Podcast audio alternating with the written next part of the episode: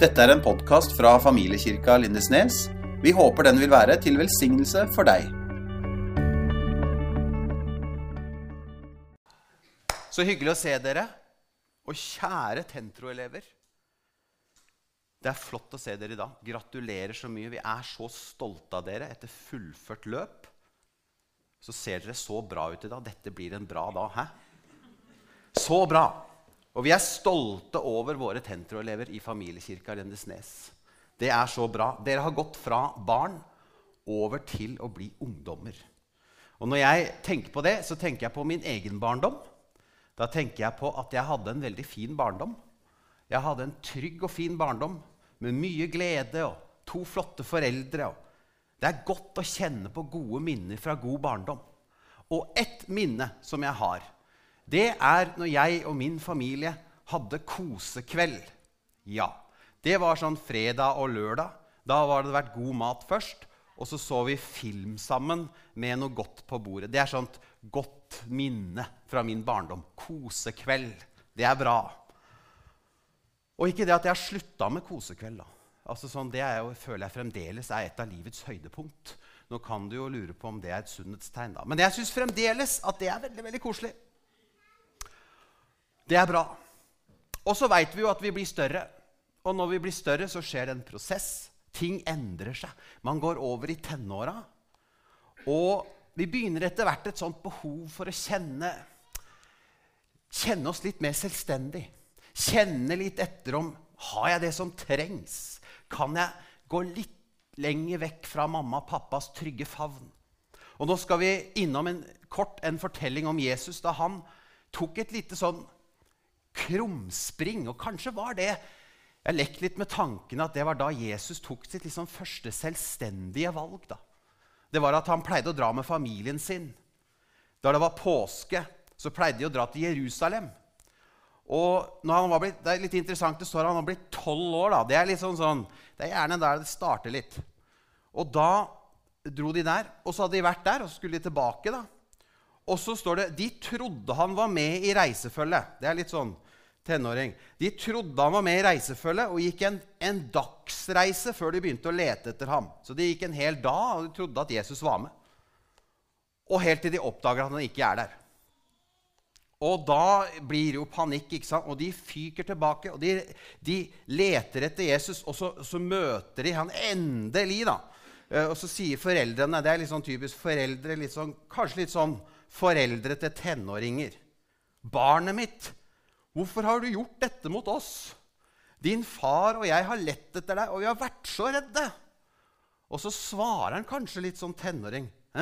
'Hvorfor lette dere etter meg?' sier han. 'Visste dere ikke at jeg måtte være i fars hus?' sier han.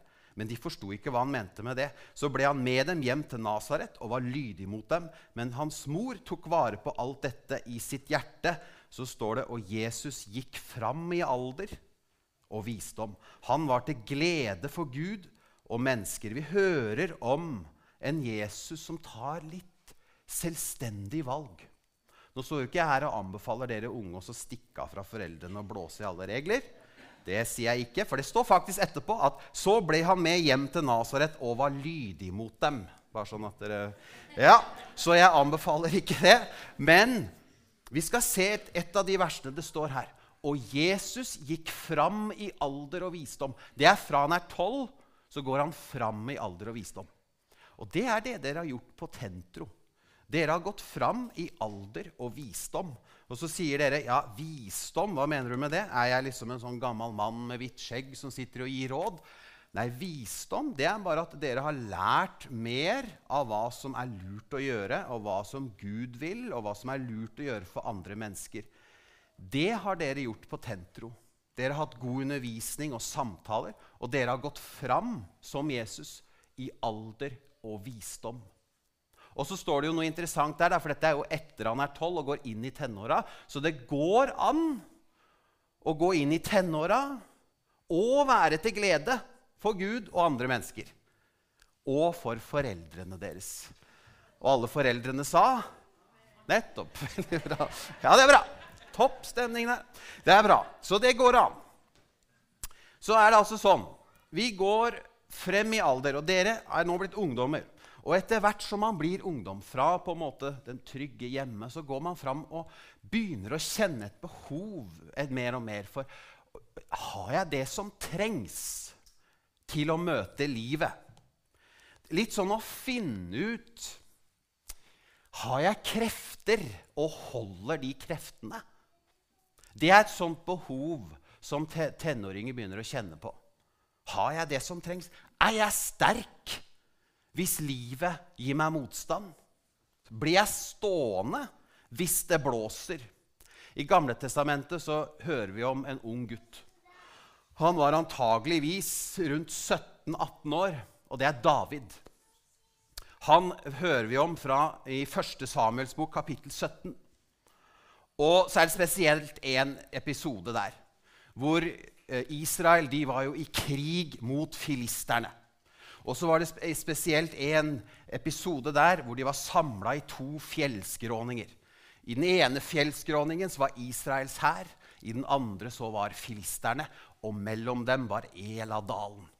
Og så trer jo Goliat fram, en kjempe fra filisternes hær. Og jeg har sjekka litt ut. Han var omtrent ca. tre meter høy. I fullt krigerutstyr, som gjorde narr av Israels hær. Han sa, 'Den av dere som tør å kjempe mot meg, så skal vi overgi oss alle sammen.' Ikke sant? Hvis, hvis dere vinner. Men hvis, men hvis, jeg vinner, sier Goliat, så skal alle dere å videre.» Og ingen turte å gå mot Goliat. Så kommer David, som tør å gå mot Goliat. David, unggutten, kanskje 17-18 år, går mot Goliat uten våpen, med en slynge, uten rustning. Treffer han i panna på første forsøk, og han går rett i bakken. Og alle bare 'Hæ? Hva skjedde?' Og alle liksom 'Du kan jo ikke gjøre dette!' Og så gjør han det. David som slår Goliat. Vi skal høre noen interessante vers før det. Fordi vi skal se et vers her. Når du er 17 år, og så går du til kongen i Israel, og så sier du ja, 'Ingen i hæren som tør, men jeg tør.' Da er du ganske tøff, altså. Han sier til og med sånn, litt sånn, han prøver å oppmuntre Han er ikke i hæren engang, men oppmuntre hæren. 'Ingen må miste motet.' Hvor er det du får den uh, frimodigheten fra? Ingen må miste motet. Din tjener skal gå og kjempe mot denne filisteren. Jeg skal gjøre det, liksom. Ok, ok, hva skjer der? Hvor han får den frimodigheten fra? Hvorfor er han så tøff? Og Saul, som er kongen da, og sjefen for hele Israel og for hæren, han svarer dette her. Du kan ikke gå mot filisteren og kjempe med han. Du er jo bare unggutten. Han var jo 17-18 år. Du er jo bare en Tentro-elev. Du kan jo ikke gå mot han. Han har vært kriger fra ungdommen av.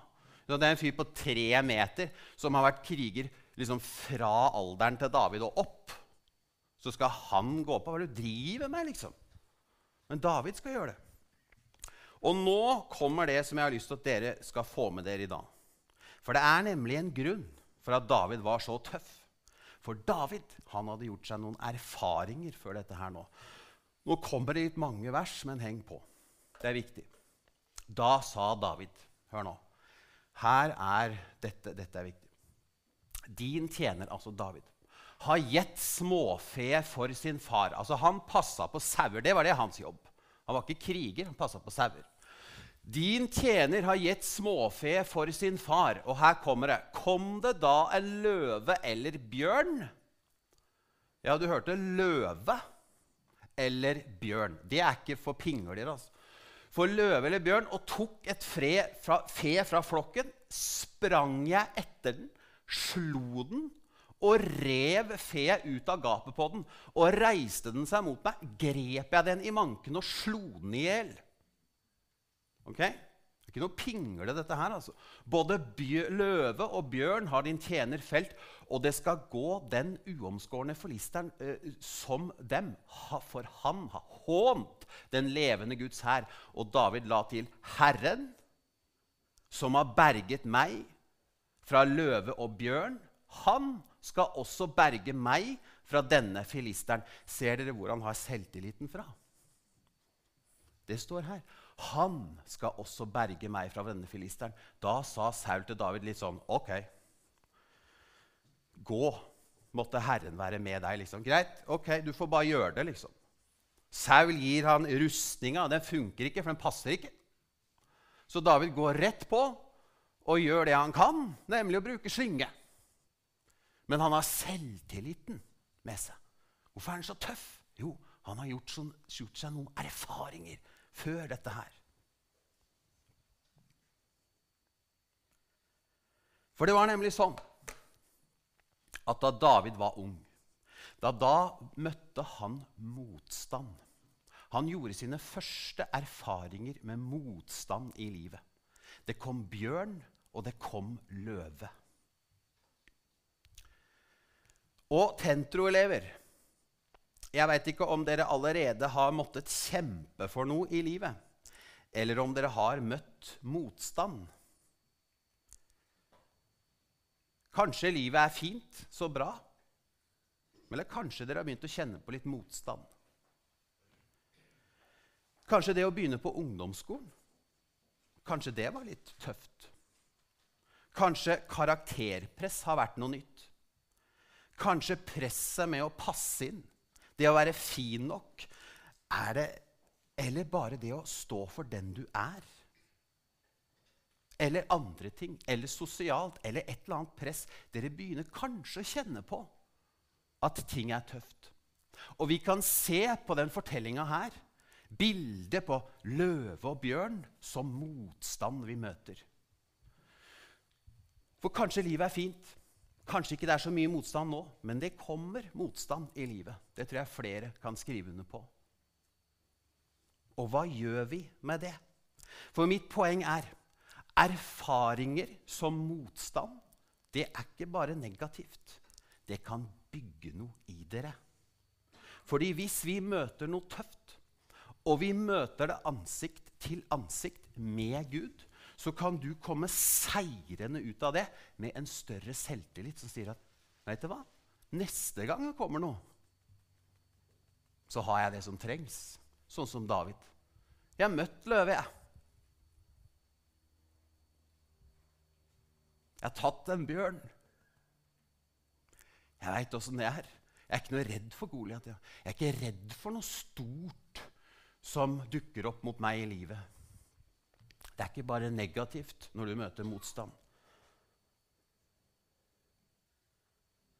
For dere har et spørsmål som, he som heter ja, 'Har jeg det som trengs?' Og hva var det David gjorde når han møtte løve og bjørn? Løp han vekk fra de? Stakk han av? Gjemte han seg bak en busk? Løp han vekk fra motstanden? Gjemte han seg? Nei, han løp etter løven. Det er ganske offensivt, og her er en nøkkel. Han løper etter løven, tar tak i den og gjør noe med det. Det er nøkkelen. For når du møter motstand, så må du møte det som David. Du må møte det ansikt til ansikt. Og gjør du det, så kan det bygge en selvtillit inni deg. Du kan si som David.: Herren, som har berget meg fra løve og bjørn, han skal også berge meg fra denne filisteren. Dette verset her. Når du møter motstand, så kan du si dette verset her fordi du har møtt motstand. Du har møtt det sammen med Gud. Du har kommet seirende ut av det. Så når det kommer en Goliat mot deg, da, så kan du si dette her. Herren, han, han hjalp meg med det der. Det var noe tøft på ungdomsskolen, men han hjalp meg gjennom det. Det var et eller annet som jeg møtte, men jeg møtte det med Gud. Jeg flykta ikke. Jeg så det rett inn i øya og møtte det sammen med Gud. Og jeg kan si sånn som David, Herren som har berget meg fra løve og bjørn, han skal også berge meg fra dette problemet. Og nå skal jeg fortelle om en løve som jeg har møtt i mitt liv. Jeg, i mitt liv, har måttet håndtere angst. Og det er ikke bare bare. Det å deale med angst det kan jeg si, det er noen ganger en brølende løve. Og for å møte angsten så kan du ikke stikke av. For hvis du stikker av, så møter du løven rundt neste hjørne. Og da er løven gjerne litt større. Angsten, den løven, det må du møte rett på. For det er nemlig sånn at angst det når en topp. Og når den toppen er nådd, så går angsten ned. Det er bare at Man har ikke så lyst til å nå den toppen, for det gjør innmari vondt. Men for å møte den løven, for å møte angsten, så er det nesten sånn at du må sette deg på fanget til den løven og ta det.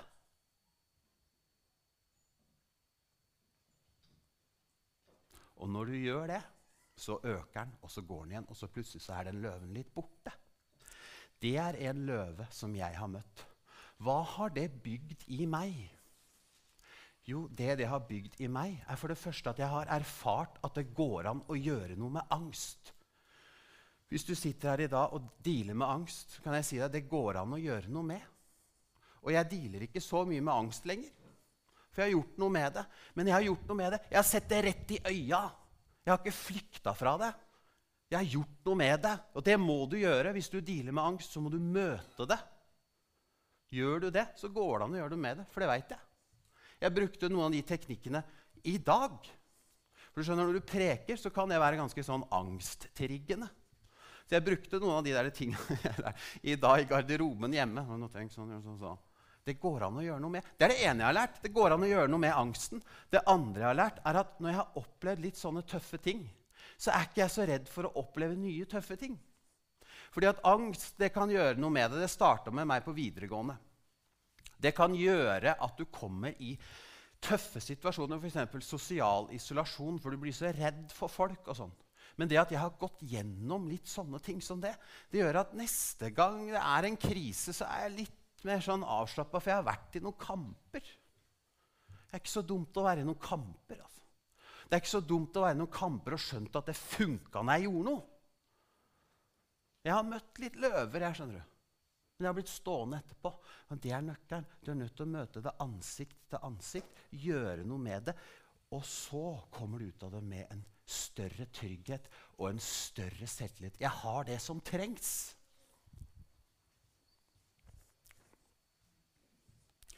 Kjære Tentro-elever. Jeg håper at livet deres er kjempefint. Og jeg håper det er fint så lenge som mulig. Men hvis det skulle være noen problemer dere møter, møt det ansikt til ansikt sammen med Gud. Det har jeg erfaring på. Gjør det, for da kan du bygge den selvtilliten som David hadde. Kom igjen, Goliat. Jeg er ikke noe redd for det. Men da må du møte det. Og så har jeg en hilsen til dere fra Far i himmelen i dag. Hvis dere sitter med et spørsmål i dag som sier dette her Har jeg det som trengs? Hvis du lurer på om du kan møte motstand og bli stående, så skal Far i himmelen si noe til deg nå. Du har det som trengs. Du er sterk nok.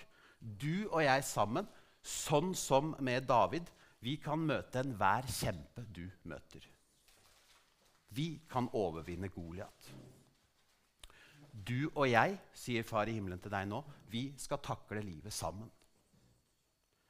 Du har det som trengs. Da skal vi be. Himmelske Far, tusen takk for disse flotte Tentro-elevene. Takk for den de er. Og takk at den de er, det er det som tels. Ikke hva de får til, eller hvor langt eller kort eller hva de kom, det, Den de er, det er, du, det er det du elsker de for. Og takk for hva de betyr for deg, Gud.